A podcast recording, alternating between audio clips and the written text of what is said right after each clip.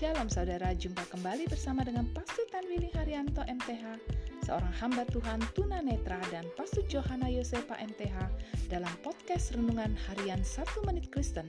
Di dalam podcast ini, kami membagikan kebenaran dari Alkitab yang dimulai dari kitab kejadian sampai kitab wahyu. Selamat menikmati.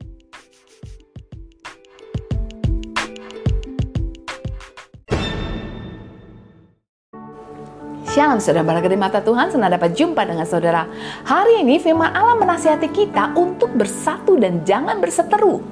Orang-orang yang membangun kemah suci menuntaskan pekerjaan mereka dengan sangat baik. Kemah suci itu selesai dalam waktu lima bulan lebih sedikit saja. Meskipun ada banyak pekerjaan halus untuk pembuatan kemah suci yang biasanya memakan waktu yang lama seperti menyulam dan mengukir, bukan hanya emas melainkan juga batu-batu permata, namun mereka menuntaskannya dalam waktu yang sebentar saja.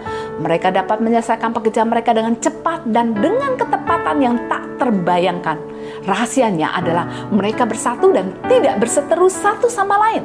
Saudaraku, ketahuilah bahwa Allah menghendaki agar kita dapat membangun sikap bersatu dan tidak mudah berseteru. Baik itu di dalam keluarga, di dalam gereja, di dalam pekerjaan kita, maupun di dalam lingkungan sekitar kita. Sebab ketika kita menjalani hidup ini dengan bersatu dan tidak berseteru, maka Allah akan memerintahkan berkat kehidupan untuk selama-lamanya turun dan memenuhi kehidupan kita. Untuk itu, ingatlah, tetaplah bersatu dan jangan berseteru. Amin.